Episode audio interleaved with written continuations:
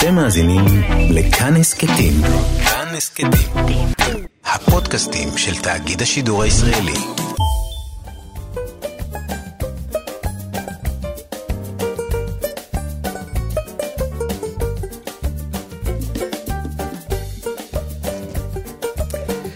שלום ובוקר טוב לכם, מאזינות ומאזיני שישי מחדש. הבוקר אנחנו נדבר על אה, דוח חשוב מאוד של אה, נציבות שירות המדינה, שבו יש המלצות חדשות ומרחיקות לכת לשימור ולהעסקה של אה, עובדים בשירות המדינה בגיל השלישי.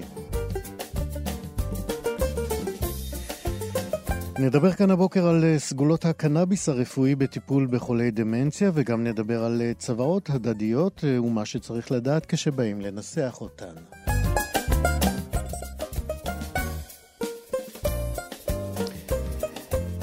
במסגרת אה, חידוש פעילותו של מועדון 70 פלוס שלנו, אנחנו נעשה ביקור בית טלפוני היום אצל אחת הזמרות הנפלאות בישראל, עדנה גורן. וכרגיל אנחנו נהיה גם עם מוסיקה ישראלית מראשית ימי הפופ בישראל, ולכבוד האורחת שלנו, עדנה גורן, כל השירים היום בתוכנית יהיו שירים שלה.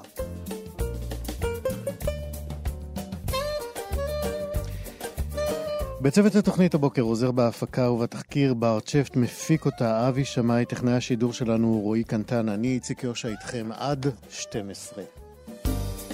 60 החדש בדוח שפרסמה נציבות שירות המדינה לפני אה, שבועות אחדים, יש בשורה די אה, חשובה, אני חייב לומר, שהיא בעצם אולי אה, אפשר לראות בה עוד מדרגה בסולם לקידום מעמדם של בני הגיל השלישי בשוק התעסוקה.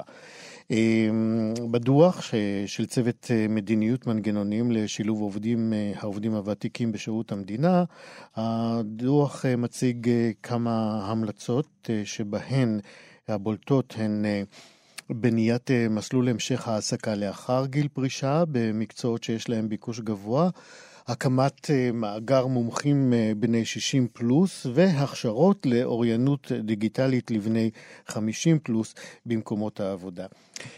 אלמוג שרב הוא מנהל תחום בכיר, תכנון אסטרטגיה ומדיניות בנציבות שירות המדינה ועכשיו הוא איתנו. שלום אלמוג. בוקר טוב. מכותרות הדוח אה, אין ספק שיש אה, לפחות לי אה, בשורה לעובדים לקראת גיל פרישה, שגם אלה שכבר פרשו, נכון? כן, בהחלט. אני חושב שאנחנו, אתה יודע, בנציבות שירות המדינה, בתור מי שאחראי, בתור המעסיק הכי גדול במשק, לא יכולנו שלא לזהות את הפוטנציאל המאוד גדול ולא תמיד ממומש של העובדים אה, הוותיקים, והצוות הזה באמת הוקם על ידי הנציב בשביל לראות איך אנחנו באמת אה, מממשים את הפוטנציאל הזה בצורה הטובה ביותר. מה, מה הביא בעצם אה, לכתיבת הדוח הזה? מה גרם לכם לצאת לדרך בכתיבה שלו? מה, מה זיהיתם בשטח שהצריך התייחסות כוללת כזאת? כן, הנציבות בסוף היא אחראית על 80 אלף עובדי מדינה. המעסיק הכי גדול במשק, אנחנו אחראים בעצם לדאוג שלמנכ"לים של משרדי הממשלה שעוסקים בבריאות, תחבורה, יוכלו לתת, להם כוח אדם הכי טוב והכי איכותי לתת שירות לציבור. על זה אנחנו בסוף נמדדים. אה, אנחנו כמובן גם הרגולטור על נושא ההון האנושי בשירות המדינה. ואנחנו זיהינו בעצם אה, שתי מגמות עיקריות. זיהינו מגמה אחת, אה, באמת שיש היום, זה לא סוד שיש היום עלייה בתוחלת החיים מצד אחד, ורצון של אנשים לעבוד, ומצד שני, אתה יודע, מבחינת הפנסיות ודברים אחרים, בהחלט גם המוטיבציה הכלכלית של אנשים אה, מעל גיל 50, אה, 60 ואפילו מעל 70 אה, לעבוד גדלה. ומצד שני, יש לנו המון מגמות של שוק העבודה העתידי, עבודה מרחוק וכל מיני סוגיות כאלה. ואנחנו אמרנו, בתור מי שאחראים בסוף באגף לתכנון אסטרטגי על, ה, על התכנון וההסתכלות לטווח הארוך, לראות איך אנחנו לוקחים את שתי המגמות האלה ואנחנו ממנפים אותם, איך אנחנו הופכים את, מה שנקרא, את האתגרים להצלחות. ו... ואמרנו גם, דבר ראשון, נתחיל עם האנשים שנמצאים אצלנו בבית. היום 30 אה, אחוז, מעל 30 אה, אחוז מעובדי המדינה. אצלנו בבית, הכוונה לעובדי שירות המדינה בתקופה הזאת. נכון, אמרנו, חשוב גם לציין שהדוח הזה בעצם נכתב ונחתם עוד לפני אה, משבר הקורונה. כן, אנחנו נתייחס לזה עוד מעט גם. זה נכתב לפני כן, ובעצם אמרנו, 30 אחוז מעובדי המדינה היום מעל גיל 50, אנחנו רוצים קודם כל לממש את הפוטנציאל של האנשים שנמצאים היום בתוך שירות המדינה, כי לפעמים, אתה יודע, אני היום בן 51 אה, ואני יכול להגיד שכבר מסתכלים עליי קצת אחרת, אתה יודע, בשוק העבודה באופן כללי, שירות המדינה עוד יחסית יותר טולרנטי, אבל אנחנו יודעים שבשוק העבודה אנחנו רצינו ליצור את הסוויץ', להגיד מה שנקרא גיל 50 או גיל 60 זה רק מספר, בואו נסתכל על הכישורים של האנשים ונראה איך אנחנו מבטיחים להם קריירה ארוכה. דיברנו על זה שבאחת ההמלצות שלכם היא בעצם, אה, דיברת על בני 51, אה, אז 50 פלוס באמת זה, זה מין תקופת אה, ביניים כזאת שמזמנת להרבה מאוד אנשים, גם בשוק הפרטי וגם בשירות המדינה, גם רצון וגם צורך אולי לפעמים של מקום העבודה לעשות שינויים. ואתם התייחסתם לנקודה הזאת של הצורך בשינוי, בהתרעננות, והחלטתם על... ההכשרות אה, לאוריינות דיגיטלית אה, לבני 50 פלוס. איך זה הולך להתבצע? אז באמת זה, זה מחבר אותנו באמת לשתי מגמות שאנחנו מזהים היום. אחת באמת יש לנו היום, הייתה גם החלטת ממשלה ממש בימים אלו על הגברה משמעותית של השירותים הדיגיטליים, ההנגשה של שירותי הממשלה בצורה דיגיטלית. וזה ברור שהיום אה, כל בן אדם שרוצה להיות רלוונטי לשוק העבודה, לא משנה מה הגיל שלו, האוריינות, האוריינות שלו והיכולת של העבודה שלו בסביבה דיגיטלית צריכה להיות אה, הרבה יותר אה, חזקה. ובסופו של דבר אנחנו אומרים, אם אנחנו רוצים שאנשים, גם מבחינת התחושה של האנשים וגם מבחינת הצרכים שלנו, יש כל מיני כלים שאנחנו צריכים לתת להם, ונתחבר היום לעוד פרויקטים שאנחנו עושים בזה, אנחנו פיתחנו אה, בשיתוף גם אגף ההדרכה שלנו וגם מיזם ישראל דיגיטלית, אנחנו מפתחים הכשרות שאמורות לתת לכל עובדי המדינה לשפר את המיומנויות הדיגיטליות שלהם, ואנחנו בהחלט חושבים שאנשים בגיל 50 או בגיל 60 הם יכולים לעשות את ההכשרות האלה כמו כל בן אדם אחר ויאפשרו לנו לנצל בצורה יותר טובה גם את הידע וגם את הניסיון שלהם בתחומי העבודה. כן, אחת, אחת המכשלות אה, אה, בשירות המדינה אה, היא, בעיניי לפחות, היא היעדר אה, מסלולי קידום אה, ברורים, למרות שאנחנו יודעים שתמיד יש דרגות ו, ו, ו, ותפקידי אה, אורך ורוחב וכאלה, אבל איכשהו יש הרגשה ש... ההכרה בצורך החשוב הזה שבן אדם יעבור אה, ממקום למקום אה, ויתפתח בתפקיד שלו, היא לא כל כך ברורה לכל המנהלים בשירות המדינה. האם הדוח שלכם אה, העמיק את ההתייחסות לחשיבות של רענון ושינוי והתקדמות? אני, אני אגיד שני דברים, אני אגיד כן, ואני אגיד שבמקביל אנחנו כרגע באגף לתכנון אסטרטגי עומדים, אנחנו נפרסם בשבועות הקרובים דוח שלם שאנחנו מנתחים את תנועת עובדי המדינה בעשר השנים האחרונות. וגם משם נובע בצורה ברורה הצורך לייצר יותר אה, תהליכי מעבר בין תפקידים, אה, אנחנו עוסקים עכשיו בפיתוח של מסלולי קידום, אני באופן אישי מטפל עכשיו בכתיבה מחודשת של כל קטלוג העיסוקים של שירות המדינה באמת בשביל ליצור מסלולי קריירה ולכן אנחנו אומרים, אם אנחנו, לכן התפיסה שלנו היום לגבי אזרחים בני יהודים בני 50 פלוס, היא מתחברת עם התפיסה הכוללת שלנו של מסלולי קריירה. ומבחינתנו גיל 50 הוא עוד צומת קריירה, כמו שיש בגיל 30 צומת קריירה, בגיל 40 צומת קריירה, אז יש גם ב-50 וב-60 וב-67 צומת קריירה. וככה צריך להתייחס אליו.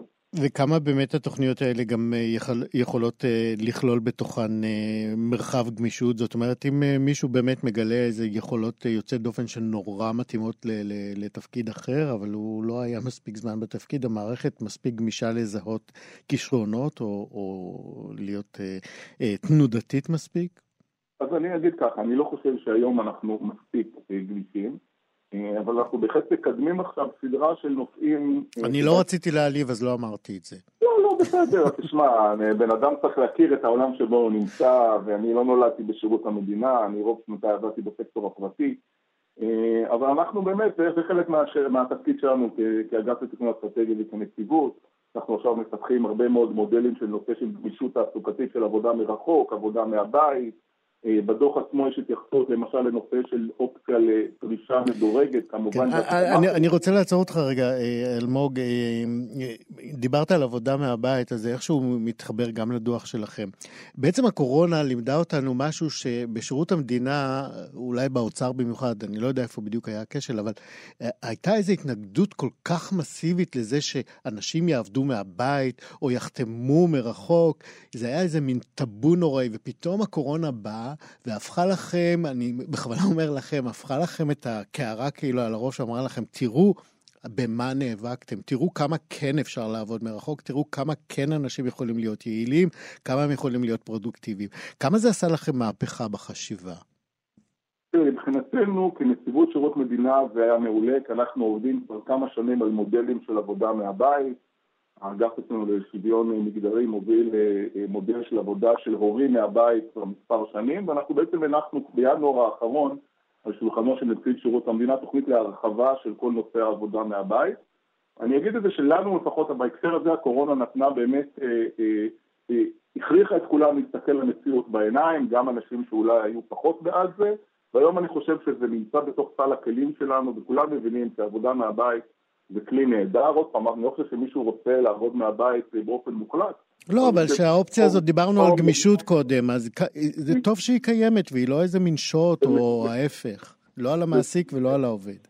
בעינינו זה מעולה, אנחנו, אנחנו גם נמצאים בקשרים עם ה-OECD, ואני חושב שיש מדינות שיותר מתקדמות מאיתנו בנושא של העבודה מהבית, אבל עכשיו אנחנו באמת מאמינים, ואנחנו עובדים על זה באמת לקחת את הנושא הזה של הקורונה, ובאמת למנף את הגמישות הזאת גם לעתיד, כי בינינו זה יכול לעזור גם לאנשים בפריפריה.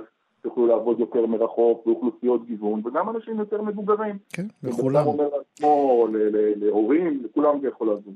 כן, אני רוצה עוד לשאול על הדוח שלכם.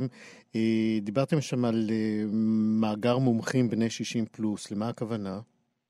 התפיסה שלנו אומרת בסוף, אנחנו, אצלנו יושב גם האגף לגיוון אה, תעסוקתי, אנחנו מאמינים בזה ש... כשעוסקים בהחלטות שקשורות למדיניות של אה, אזרחים, כדאי שיהיה מישהו שמאותה קבוצת אוכלוסייה ליד שולחן קבלת ההחלטות. אתה יודע, אם יש עכשיו מקבלים החלטות לגבי האוכלוסייה החרדית או לגבי האוכלוסייה הערבית, ככל שיש בן אדם שהוא חרדי או ערבי שיושב ליד שולחן קבלת ההחלטות, יש סיכוי שההחלטות האלה יהיו טובות יותר. והמאגר הזה נועד למקרים שיש בהם שולחנות, כמו שאני קורא לזה, שבהם מתקבלות החלטות שנוגעות לאזרחים ותיקים, ואין שם ייצוג לאזרחים ותיקים, לדאוג שיהיה את הייצוג הזה. כמו שאני חושב שלכל אוכלוסייה צריך להיות משמעותי, צריך להיות ייצוג ליד שולחנות קבלת ההחלטות. כשאתה אומר שולחנות קבלת ההחלטות, איפה נמצאים השולחנות האלה? באיזה דרגים? דרגים של המשרדים או בדרגים של הנהלות מקבלי החלטות? עוד פעם, אנחנו כמובן כנציבות, אנחנו דרג מקצועי, אנחנו לא דרג אה, אה, של נבחרי ציבור. אנחנו מדברים על הדרג שהוא מה שנקרא ממנכ"לי המשרדים ומטה. זה בהחלט אנשים, גם בסגל הבכיר, גם אנשים מקבלי החלטות, אה, וגם בתוך השדרה המקצועית. אני חושב שהרבה מאוד החלטות או ידע קורה בתוך השדרות המקצועיות של, אה, של שירות המדינה, והרבה פעמים אה, החלטות מתקבלות לגבי אוכלוסיות לא מתוך איזשהו חלילה כוונה רעה, אלא לפעמים מחוסר הבנה או ידע. ואני חושב שזה משהו שיכול לתרום גם בנושא הזה של אזרחים ותיקים. כן, דיברנו גם אה, קצת על ההעסקה של, אה, של אנשים שאחרי גיל הפרישה במקצועות שיש להם ביקוש אה, גבוה. אתם עושים איזשהו מיפוי של התפקידים האלה שיש להם ביקוש גבוה, ואנשים אולי יכולים לכוון את עצמם לשם עד שהם פורשים? כן, בהחלט. אז קודם כל אני אגיד שכבר בחמש שנים האחרונות אנחנו בעצם אפשרנו במסגרת תהליך אצילת סמכויות של נציב שירות המדינה למשרדים לקבל החלטה על הארכת שירות של עובדים, אה, באמת תחת קריטריונים מאוד מאוד מוגדרים, שגם כתובים בתחשיב וגם מנוסחים למשרדים, כולל תהליכי בקרה שאנחנו עושים, אה, שבאמת גם מאפשרים היום במקצועות אה, שהם מקצועות נדרשים, שקשה לגייס בהם לעשות הארכת שירות. תן דוגמה למקצועות כאלה שבוודאי הונחו על שולחנכם והייתם צריכים להתייחס אליהם.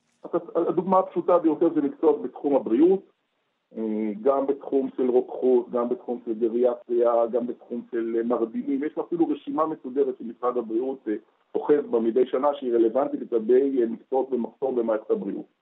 אז זה מובן, והסוג השני הוא באמת אנחנו עכשיו עובדים בתיאום עם אגף בחינות והמכרזים שלנו לזהות באמת מה התחומים שבהם אנחנו מתקשים לגייס את האנשים. ובאמת לייצר רשימה עדכנית כזאת, כי אנחנו בסוף היינו רוצים שאנשים מעל גיל 67, במידה ויש להם את הכישורים הנדרשים, והמקצוע הוא במחסור, לאפשר להם את הארכת השירות, אבל היינו רוצים לעשות את זה, אתה יודע, להבטיח שזה יהיה על סמך קריטריונים מקצועיים ולא על סמך אה, אה, אה, עניין פרסונלי כזה או אחר. אה, דיברנו אה, על זה שהדוח באמת הוכן אה, הרבה לפני הקורונה, אמנם הוא פורסם בעיצומם של ימי הקורונה, אבל ממה שאנחנו כבר יודעים על התקופה המשוגעת הזאת, יכול להיות שהייתם נותנים דגשים אחרים לו הייתם אחרי, מגישים את הדוח אחרי הקורונה? אני, אני אגיד שני דברים. קודם כל, הדוח הזה הוא המלצות לטווח ארוך. אנחנו כרגע צריכים, עובדים, עובדים על להכין תוכנית יישום, שהיא כמובן תצטרך לקבל את האישור הסופי של נציב שירות המדינה, וברור שהיא תביא בחשבון גם היבטים עכשוויים, של עניין הפוסט-קורונה, אבטלה בקרב צעירים, קבוצות סיכון להידבקות, וכמובן המשבר הכלכלי והתקציבי. אתה יודע, יכול להיות שיש תוכניות שחשבנו שנוכל לעשות, אבל בהיעדר תקציב ובמשבר כלכלי כזה, יכול להיות שנצטרך להפעיל איתן. אבל לגבי המסקנות המרכזיות, אנחנו בחנו את זה, מה שנקרא, היה לנו זמן לשבת בבית בזמן הקורונה ולבדוק, ואנחנו לא חושבים שהמגמות המרכזיות ביחס לאוכלוסייה המבוגרת בעצם משתנות. עדיין אה, אנשים, אה, ברוך השם, אה, תוחלת החיים עדיין עולה, עדיין יש הרבה מאוד אנשים מבוגרים שמסוגלים ורוצים לעבוד, ועדיין להפך, הנושא של הרחבת גמישות וכלים של עבודה מהבית, אני חושב שיכולים לסייע גם בהרחבת העסקה של אנשים מבוגרים, אנחנו רואים את זה במערכת הבריאות. אני יכול להגיד אפילו על ההורים שלי, כדוגמה, שני ההורים שלי מעל גיל 80, אמא שלי פסיכולוגית, והיא עושה בתקופת הקורונה טיפולים בזום. ואבא שלי הוא בתחום אה, אה, חקר הכאב והרפואה, והוא אה, מרצה בזום לכל מיני מקומות. אני חושב שזה בהחלט אנשים שהצורך לא השתנה, ולכן אני חושב שמהותית, לטווח הארוך לא היינו משנים את הדוח, לטווח הקצר יכול להיות שמבחינת דגשי יישום יהיו, אנחנו כמובן ניקח בחשבון, לא נוכל שלא לקחת בחשבון את המצב הכלכלי ואת השינויים שנובעים ממשבר הקורונה. אלמוג שרב, אה, קודם כל באמת אה, תודה על הדוח הזה, הוא, אני מקווה יביא לעוד שיפור במעמדם של בני הגיל השלישי, לפחות מצד ההתייחסות של המדינה, של נציבות שירות המדינה, לאופן ולהיקף ההעסקה שלהם. אה, תמשיכו בעבודתכם, תודה רבה. תודה רבה לכם. להתראות. 60 החדש בשבוע שעבר דיברנו כאן על אה, ריבוי התרופות שצורכים זקנים רבים ועל הסכנות אה, בקיום אה, תרופות שנוגדות לפעמים זו את זו ועל הצורך לעשות סדר קבוע בארון התרופות שלהם, שלנו. כן? יש שסבורים שמרבית הקשישים נוטלים לפעמים יותר מתשע תרופות שונות במקביל. שמחייבות בעצם אה, תיאום אה, רפואי תרופתי ביניהם. ולמשל על תרופות שניתנות אה, כיום לחולי דמנציה, אנחנו יודעים שהן מלוות לא פעם בתופעות לוואי, שנובעות בגלל אינטראקציה לא טובה או לא חיובית עם תרופות אחרות. אה, עכשיו גם מתברר כי סוגים מסוימים של אה, קנאביס רפואי מפחיתים את עוצמת אה, תופעות הלוואי האלה, וגם הקנאביס התגלה כמאוד מקל על אותם קשישים שנוטלים אותו. שלום לדוקטור בן עמית. שלום, שלום. אתה מומחה לפסיכוגריאטריה ויועץ לחברת פנקסיה. אני מומחה בפסיכיאטריה של מבוגר ויועץ לפנקסיה, נכון. זה לא פסיכוגריאטריה? פסיכוקריאטריה זה לא התמחות בפני עצמה, זה דבר, okay. זה מסלול שאנשים בוחרים בו כאשר הם אה, אה, פסיכיאטרים של מבוגרים. אז הנה תיקנו או חידדנו את התואר. בואו נדבר קודם על אה, התנגשות בין תרופות בכלל שמובילות לפגיעה במטופלים. איך זה קורה? אתה יודע, אתה, אני בא לרופא, כואב לי הגב, אבל כואבת לי גם הציפורן, ואני מקבל שתי תרופות שהן ממש לא טובות שהן יהיו ביחד בגוף? זה, נכון. זה הניגוד? אה, נכון, אתה יודע, לתרופות אה, יש, יש בעצם אינטראקציות או התנגשויות בשתי רמות. או, ש, אה, או שאחת מעלה את הרמה של השנייה וכדומה, או שבאמת יש להם פעילות ספציפית שיחד הקומבינציה הזאת, השילוב הזה, הוא, הוא לא טוב ויכול להיות מסוכן. אמ, הבעיה היא שמרבית הרופאים בכלל בעולם, גם בארץ, לא משתמשים בכלים טכנולוגיים כדי אה, שבודקים בעצם אם התרופות הן בסדר או שהן מתנגשות אחת עם השנייה. מה זאת אומרת? מה הם אותם כלים טכנולוגיים שנמצאים תחת ידם והם לא משתמשים בהם? שוב, זה, זה, זה, זה בעצם, יש תוכנות, תוכנות מחשב. אני אפילו הייתי בלי קשר לחלוטין, הייתי מעורב פעם בפיתוח של תוכנה אחת כזאת, שאם אה, רופא רושם אה, תרופה מסוימת, ויש לו בין רשימות התרופות של המטופל, יש איזושהי תרופה שאסור לקחת אותה ביחד איתה, אז הוא מקבל איזושהי התראה. ככל שעובר הזמן, ארגונים הם הרי איטים לאמץ טכנולוגיות, אבל ככל שעובר הזמן, אז נעשה יותר ויותר שימוש במערכות כאלה, שזה תחום מרתק וחשוב מאוד. זאת אומרת, אם אני בא היום לרופא שלי והוא יודע שאני לוקח למשל סטטינים נגד כולסטרול באופן קבוע, אבל פתאום גם התחילה לי דלקת באוזן, אז הוא ידע למשל שתרופה X אסור שתבוא יחד עם סטטינים, והתוכנה הזאת היא קיימת מולו? כן, כן. אז בהחלט זה חלק, קודם כל זה חלק מהידע הרפואי. זאת אומרת, רופאים אמורים לדעת את זה, ואנחנו בבית הספר לרפואה שמים המון דגש על זה, ואנחנו לומדים. אבל עם הזמן אנחנו גם שוכחים, וה... ונוצרות המון תרופות חדשות. אה, ולכן באמת יש כלים מחשובים שהם תומכי החלטה, מה שנקרא, הם לא מחליטים במקום הרופא, אבל הם נותנים איזושהי התראה, שים לב לשיקול דעתך. יש כל מיני כלים כאלה בנמצא. אה, ארגונים גדולים, קופות חולים, בתי חולים, הם מנסים, הם בדרך כלל, יש להם מערכת, מערכות כאלה, והם מנסים לעודד את הרופאים, אה, ו, וזה באמת עוזר, okay. אבל לא אוקיי. כולם... אה, כן. טוב, בוא נדבר על אה, חולי דמנציה. קודם כל, שוב, אנחנו, הביטוי הזה כל כך שגור, שאני לא בטוח שאנחנו כולם מבינים את משמעותו. מה, מה, מה זה חולי דמנציה? מה okay, זה אוקיי, חולה דמנטי? אוקיי. Okay. אה, אז דמנציה זה מושג יחסית רחב, mm-hmm. ובלי להיכנס לפרטים מאוד מאוד טכניים, מדובר אה, בצורה פשוטה בירידה קוגניטיבית, זאת אומרת ירידה של תפקודים מוחיים נקרא לזה, שהיא ירידה שהיא פרוגרסיבית, היא מתקדמת, היא על פי רוב מוחמרת עם הזמן, המהלך הטבעי זה לא, זה לא, זה לא דבר הפיך. Mm-hmm. והמחוללים שלהם קבועים, או שהם משתנים מאדם לאדם? אז אה, יש, בוא נגיד, דמנציה זה מכנה משותף של כל מיני מחלות. מחלות רבות יכולות לגרום לדמנציה. הנפוצה ביניהן אה, זה אלצהיימר, שזה כמעט אה, סינונים, כמעט שם נרדף לדמנציה, הרבה פעמים מחליפים בין השניים. איזה עוד תופעות דמנטיות שהן לא אלצהיימר אנחנו נפגשים איתן? תופעה מאוד נפוצה זה, זה, זה סטרוק, שבץ, CVA. אה, שבץ מוחי גם יכול לגרום לדמנציה. זה שייך, שבין... זה שייך לדמנציה, לתופעות הדמנטיות? אה, נכון. או שהדמנציה נכון. נגרמת בגלל שבץ מוחי? אז הדמנציה יכולה להיגרם, הסיבה השנייה נפוצה ביותר לדמנציה זה דמנציה שהיא בגלל באמת שבץ מוחי, mm-hmm. שיכול כמובן גם להשפיע על מערכות נוספות, על פגיעה מוטורית ובתחושה וכולי, אבל גם על התפקודים המוחיים.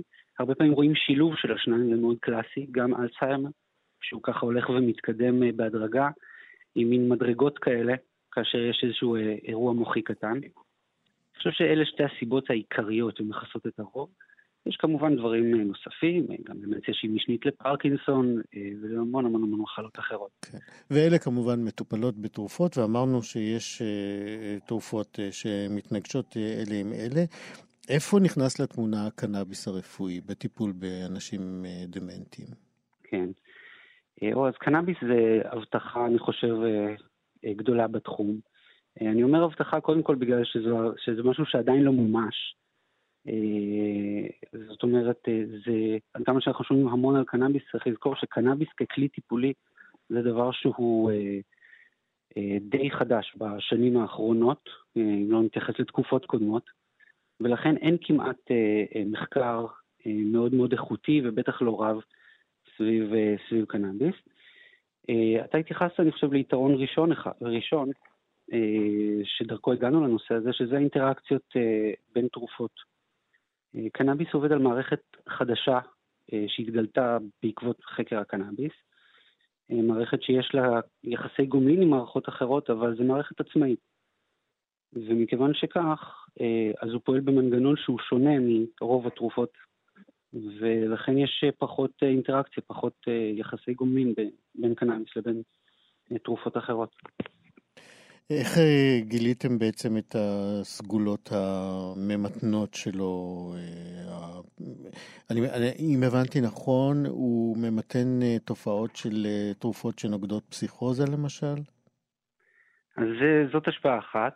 אה, לגבי, בוא נגיד ככה, אני רואה בנושא של תופעות לוואי אה, של טיפול אה, בדמנציה וקנאביס, אני רואה בעצם שני, שני יתרונות. אחד, הקנאביס עצמו ככלי טיפולי בדמנציה, שיכול פוטנציאלית, במידה ואכן המחקר יוכיח זאת, יוכל לחסוך שימוש בתרופות.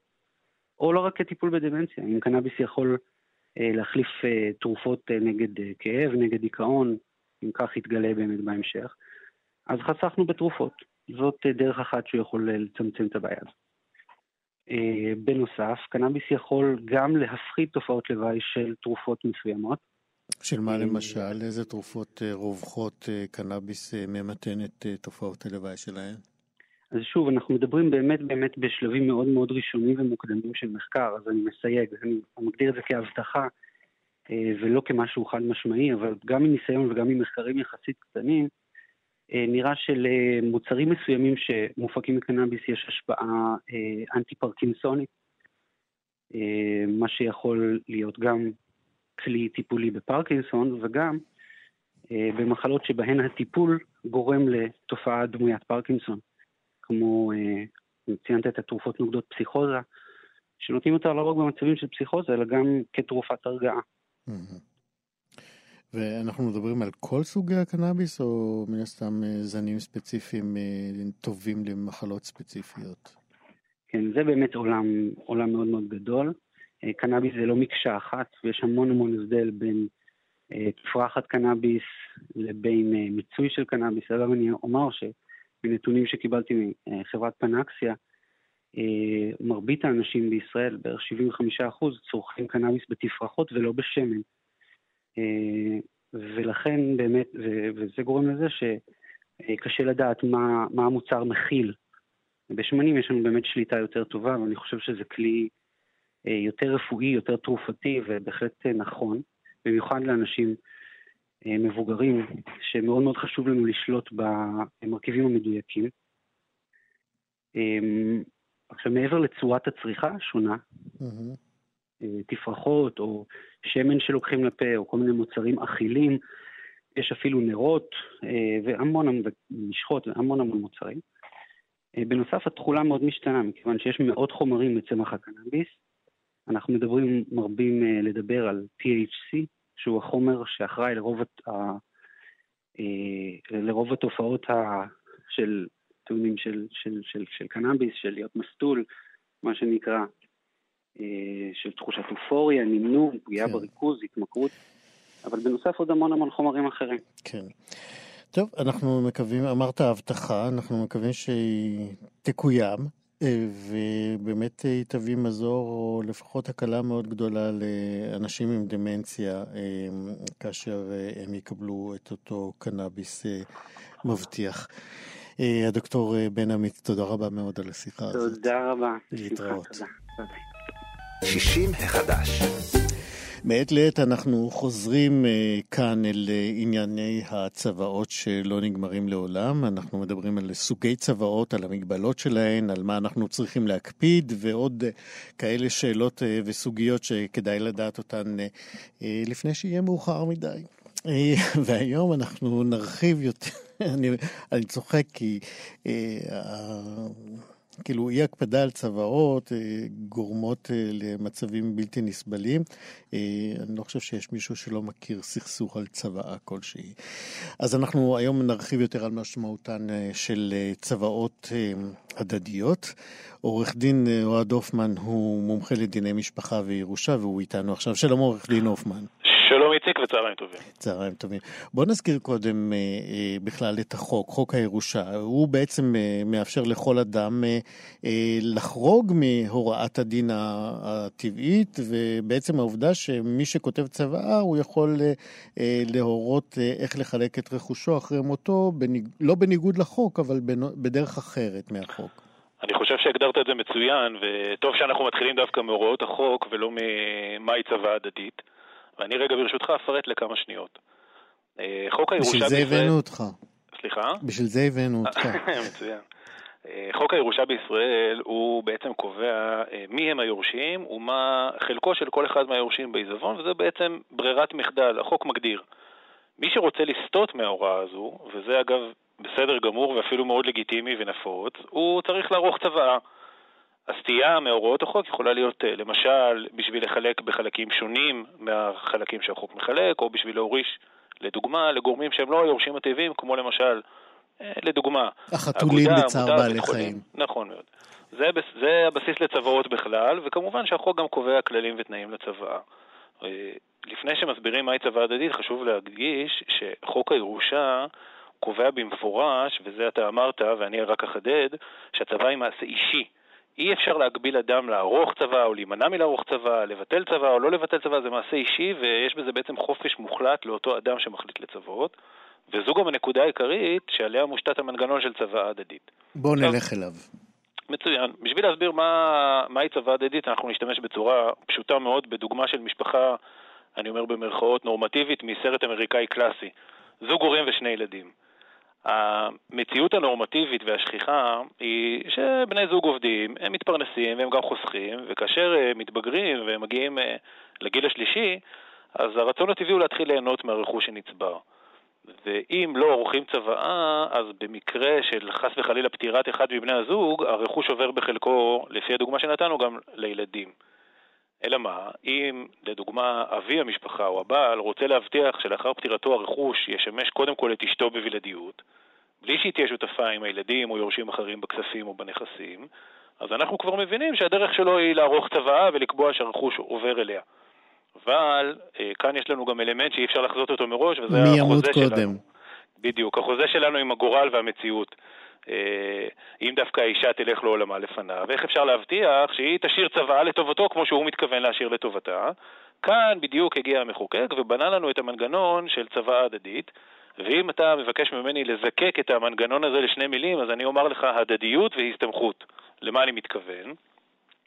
צוואה הדדית מאפשרת אה, לבני הזוג לערוך את הצוואות של כל אחד מהם ביחד, ומתוך הסתמכות על כך שהצוואה גם לא תשונה.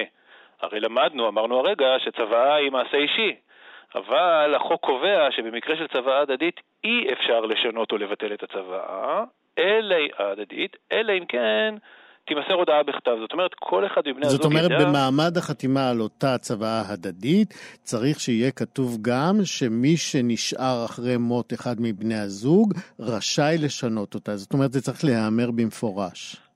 אה, כן, אם בצוואה הדדית אין הוראה ספציפית, דרך אגב, לפני שבועיים ניתן פסק דין מעניין של בית המשפט לענייני משפחה בתל אביב בעניין הזה, אבל זה, זה מבוסס על הוראת חוק מאוד נקודתית. אם בצוואה כותבים בפירוש שאפשר לשנות, אז אפשר לשנות משום שיש הוראת חוק ספציפית שמאפשרת את זה, אבל ברוב הצוואות ההדדיות יש, אה, כתוב בצורה מאוד לקונית, זוהי צוואה הדדית. ואם מישהו רוצה לבטל אותה לימים, זה יכול לקרות כתוצאה מ... לדוגמה, אה, לא, לא הזמינו את הסבתא לחתונה של הנכדה והיא מנשלת את הבת. נכון, זה דוגמאות של... אה, בדיוק, נכון. אז אה, זו דוגמה טובה, ואז מתגלה איזשהו סכסוך בין הצדדים ורוצים לשנות. אין בעיה.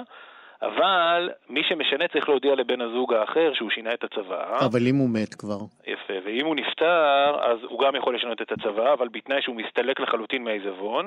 והחוק אפילו קובע, גם אם ירשת וקיבלת כבר, ואתה עדיין רוצה עכשיו לשנות את צוואתך, אין בעיה, אבל את כל מה שקיבלת תחזיר לעיזבון. אה, אוקיי. זאת אומרת, אה, נגיד אה, אה, האישה ירשה את בעלה, ואז החליטה בעצם לנשל את אחת הילדים, ואחד הילדים מערער, ואז אומרים לגברת, אוקיי, אז תחזירי את מה שקיבלת מבעלך ונעשה חלוקה מחדש. נכון. יכולה האישה לשנות את הצוואה לאחר פטירת בעלה, בתנאי שהיא לא יורשת בפועל. זאת אומרת שגם אם היא ירשה, היא צריכה להחזיר את ה... את החצי שלו שהיא ירשה. אם זה חצי, אז חצי. את כל כן, מה שהיא קיבלה מהעיזבון, בחזרה, נכון. ואז עושים חלוקה על פי החוק. נכון מאוד. מה עוד אנחנו צריכים לדעת כשאנחנו עושים צוואות הדדיות כאלה? תראה, המנגנון הנפוץ ביותר אה, זה בעצם הורשה לבן הזוג שנותר בחיים, תוך קביעה אה, שלאחר הפטירה הרכוש יועבר בירושה לילדים, וזה כמובן הוראה הדדית של כל אחד מבני הזוג. אבל נורא נורא נורא חשוב להבהיר שזה לא מנגנון חובה. אנחנו... אה, מה זאת אומרת זה לא מנגנון חובה? עורכי הדין שמתעסקים בענייני צוואות, אה, אין לנו סטנסיל של אה, נוסח של צוואה. זאת אומרת, כשמגיע אליי לקוח למשרד ואומר לי, ערוך לי בבקשה צוואה, אני לא מוציא איזשהו מנגנון ומתחיל למלא את הפרטים בקווים החסרים. כל מקרה הוא חליפה שנתפרת לפי המידות הרלוונטיות. יש מקרים שהם שונים מהקלאסיקה של הסרט האמריקאי. יש נישואים שניים, או ילדים מבן זוג קודם. אז רגע, אני אתן, לך, אני אתן לך דוגמה שמוכרת לי. אה, אה, נחתמה צוואה הדדית כזאת, שבה אה, אומרים בני הזוג, במותי אני מוריש לך את כל רכושי. רכושנו המשותף, ואחרי מותך הרכוש יעבור לילדים שלנו. אה, הוא לא מוסיף שם שום אה, סעיף נוסף שאומר את יכולה לשנות את הצוואה הזאת, זאת אומרת זה הרצון שלו, הרצון שלו הוא שהמהלך יהיה את יורשת ואחרי שאת מתה זה עובר לילדים, ואם אה, אה, אה, ההפך אז אה, אותו דבר. אה, מה קורה אם בכל זאת היא משנה את הצוואה הזאת? תראה, אם זו צוואה הדדית, זאת אומרת, צריך חשוב להכיר עוד אה, מונח אחד, אנחנו קצת זולגים, אבל זה בדרך כלל תחומים משיקים. יש אה, מונח שנקרא יורש אחר יורש בצוואה הדדית, וזה בעצם המנגנון הקלאסי על פי רוב. זאת אומרת, אני, בן הזוג, מוריש לבת הזוג שתיוותר בחיים, ולאחר מכן לילדים. על פי החוק, היורש הראשון רשאי לעשות ברכוש כבש שלו. זאת אומרת שבמקרה שנתת, האישה, האלמנה, יכולה עכשיו אה, לשרוף את כל הרכוש על הימורים בלס וגאס לצורך הדוגמה. נכון. זו זכותה המלאה, אלא אם כן הגבילו אותה בצבא, ומפה באמת מגיעה חשיבות אדירה. לא, אה, לא רק לבזבז בלס וגאס, אלא להחליט שהיא לא נותנת אה, למשל לילדה X ונותנת לילד אחר, אבל זה בניגוד בעצם לרצון המקורי של ההורה שמת. נכון. ולכן, אתה צודק לגמרי, זה מקרים שלא רק אתה מכיר, אלא גם אני מכיר. אני בטוח. הדרך, כן, אבל זה מסוג המקרים, לפני שפתחו לי את המיקרופון, אמרת שיש מי שלא עושה את זה כמו שצריך, מגיעים למקרים שהם בלתי נסבלים. ואלו באמת מקרים שהם בלתי נסבלים. וגם בתי המשפט מאוד מכבדים את רצונו של המנוח, עד כדי כך שכמעט בכל פסק דין שעוסק בענייני צוואות, תש... אה, אפשר לקרוא ציטוט של אה, כל השופטים כותבים את זה, מצווה לקיים את רצון המת. במקרה כזה חשוב נורא לפנות לייעוץ מקדים, משום שבייעוץ מקדים אפשר לפתור את העניין הזה בצורה קלה מאוד, ואני אתן לך דוגמה דווקא על דירת מגורים. אם uh, מורישים uh, דירת מגורים לאדם, uh, לבן הזוג שנותר בחיים, אותו בן זוג לכאורה יכול גם מחר בבוקר או למכור את הדירה, או להעביר אותה במתנה לאחד הילדים, או במילים אחרות, לפי החוק, לעשות בה כרצונו. אפשר, אני נותן סתם דוגמה שעונה לעניין, אפשר למשל את דירת המגורים לא להוריש לבן הזוג שנותר בחיים, כן. אלא להוריש אותה ישר לילדים, אם יש חשש כזה, כן. ולקבוע בפירוש שהירושה היא על תנאי שהילדים נותנים לבן הזוג שנותר בחיים להמשיך לגור בה כל ימי חייו. כן. עורך דין אוהד הופמן, זמננו מתקצר, אבל יש לי עוד שאלה אחת. מה קורה אם אה, אה, למשל אה, יש צוואה הדדית כזאת, אחד מבני הזוג מת, ואחרי כמה שנים מת בן הזוג השני, שעושה שינוי בצוואה, בניגוד ל, ל, לרצונו של המת הראשון, איך הילדים יכולים לערער על הצוואה הזאת? וב... בתוך כמה זמן? אז כך, אה, כל צוואה אה, במדינת ישראל איננה שווה את הנייר שהיא כתובה עליו, אלא אם כן היא תקבל אה, צו קיום צוואה על ידי הגופים הרשמיים. נגיד יתקבל. לא, אז לא יכול להיות מצב שצוואה הדדית המספר שניים היא מתקבלת, משום שלפי השאלה ששאלת אותי, בן הזוג השני שינה את הצוואה ולא עדכן אף אחד, עושה מה שהוא רוצה. נכון. אז במקרה כזה צריך בעצם לבקש צו קיום של הצוואה הראשונה, ואם יש אדם... אבל נגיד לא ידעת, שזה, שנגיד הילדים לא ידעו שיש צוואה הדדית, שבעצם אה, רצון אימם שמתה ראשונה היה אחר ממה שאביהם עשה. אלו מקרים פשוטים שהחוק קובע בצורה פשוטה ומפורשת, שאפשר פשוט לפנות בהליך די, זה אומנם פרוצדורלי, אבל הוא די פשוט, לרשם הירושה ולבקש תיקון של צו הקיום, ואני מאמין שזה יתקבל אפילו די בקלות ובמהירות. זאת אומרת, ובלבד שבאמת הם לא ידעו שקיימת הצוואה הזאת. נכון, יש חשיבות. קריטית להוכיח תמיד תום לב במקרים כאלה, ואני רוצה לציין לטובה את רשם הירושה שבשנים האחרונות עשה מהפכה, ובאמת יש שם יעילות רבה מאוד. עורך דין אוהד אה, הופמן, שלא נצטרך אותך, אבל אה, נראה לי שזה לא יקרה, נצטרך אותך. תודה רבה על צוואות הדדיות. בשמחה ושיהיה יום. להתראות.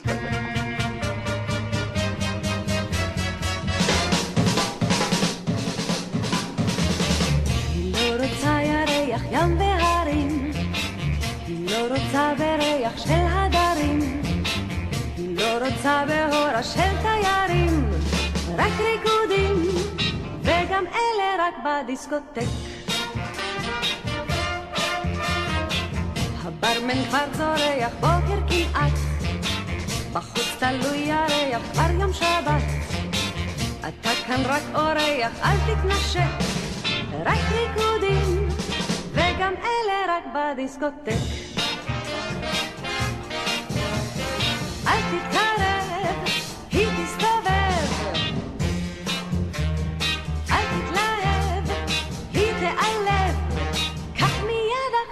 אחרת מבוגרת כמו בסרט. מה האישה אומרת? מי זה הלך?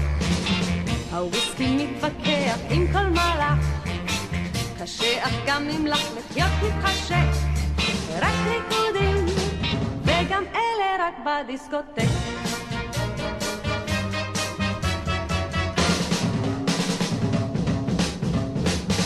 התאורה היא חושך, איזה פצצה. המנגינה היא רעש, מי זה יצא? אנחנו לא גמרנו, יש עוד המשך. רק ריקודים, וגם אלה רק בדיסקוטק. היא לא יודעת מי זה שר המסחר, היא לא רוצה לקבוע כלום למחר. היא נחמדה הלילה, הוא לא צודק, רק ריקודים, וגם אלה רק בדיסקוטק.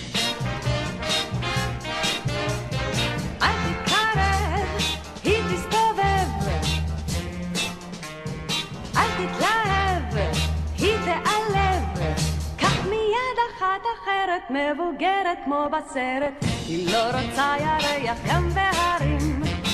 היא לא רוצה בריח של הדרים. היא לא רוצה באורה של תיירים. רק ריקודים, וגם אלה רק בדיסקוטק.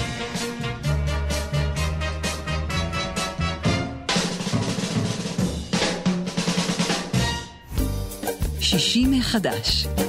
מועדון 70 פלוס.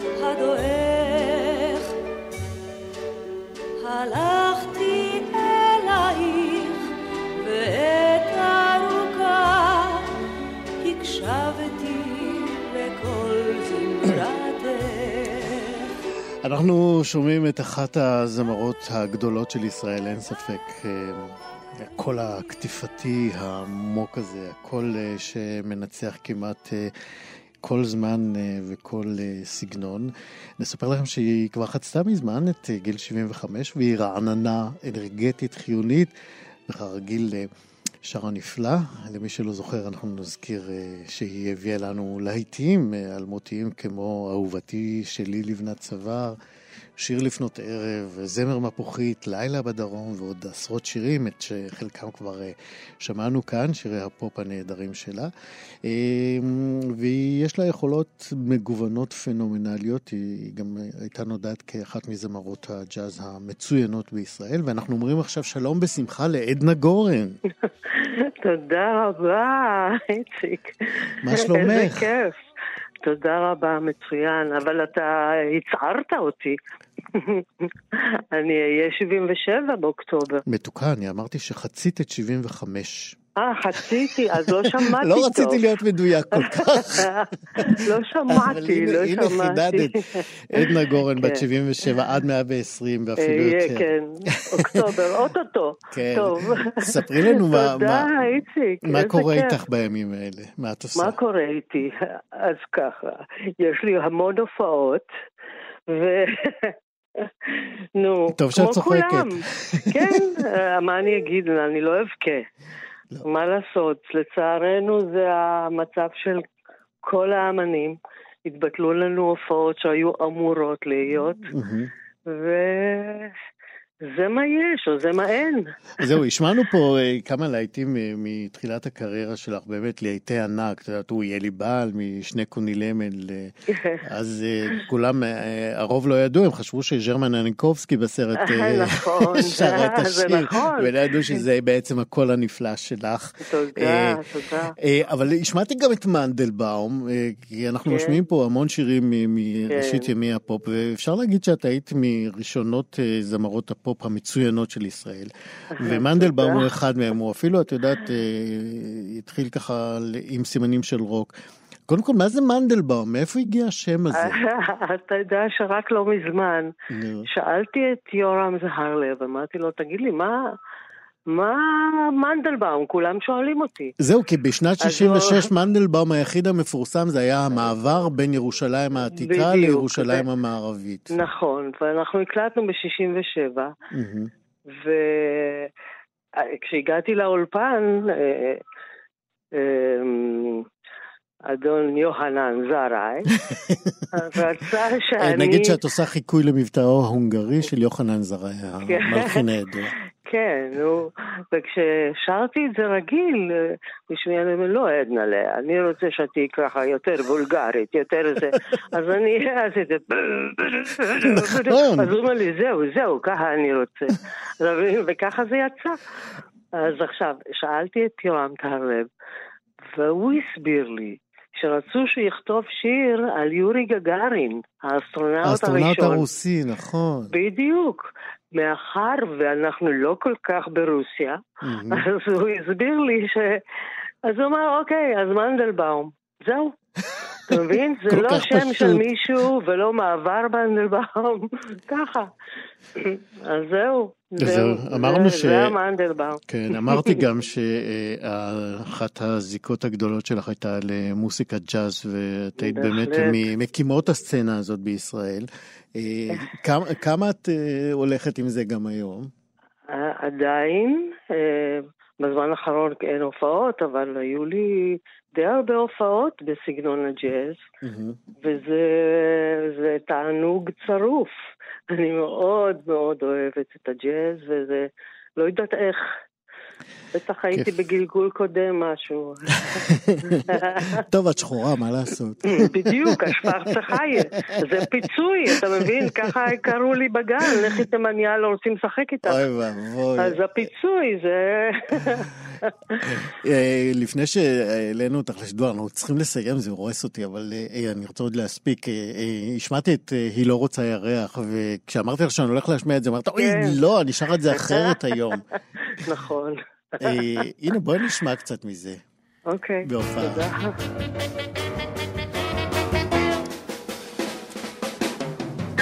היא לא רוצה ירח, ים. איזה יופי, אכן, את צודקת, זה ביצוע הרבה יותר חי ואנרגטי, אבל ההוא יש לו את הקסם של הישן. טוב, זה ההוא, זה אלכס וייס, נו מה, אתה יודע, זה שזכיתי בתקליט הזה, עם קובי רך זכינו. שהעיבודים הקלאסיים יותר של אסלו רוט, שיהיה בריא, שהוא כן. חגג לא מזמן מאה. שאנחנו עד 120. עדנה, לצערי אנחנו ממש חייבים לסיים, אבל אני מבטיח לך שאנחנו חוזרים אלייך. היה כיף לדבר איתך, ואנחנו נשוב לשמוע ממך דברים חדשים וישנים. תודה רבה. עדנה גורן, תודה רבה. אנחנו כאן מסיימים עוד תוכנית של שישי מחדש. תודה רבה לאבי שמאי, לבר צ'פט, לרועי קנטן. מה שכרוך אחרינו, מה יעשה להביא? יובל אביבי, אני איציק יושע, אהיה איתכם גם מחר להתראות. עם כל מלאך, שאך גם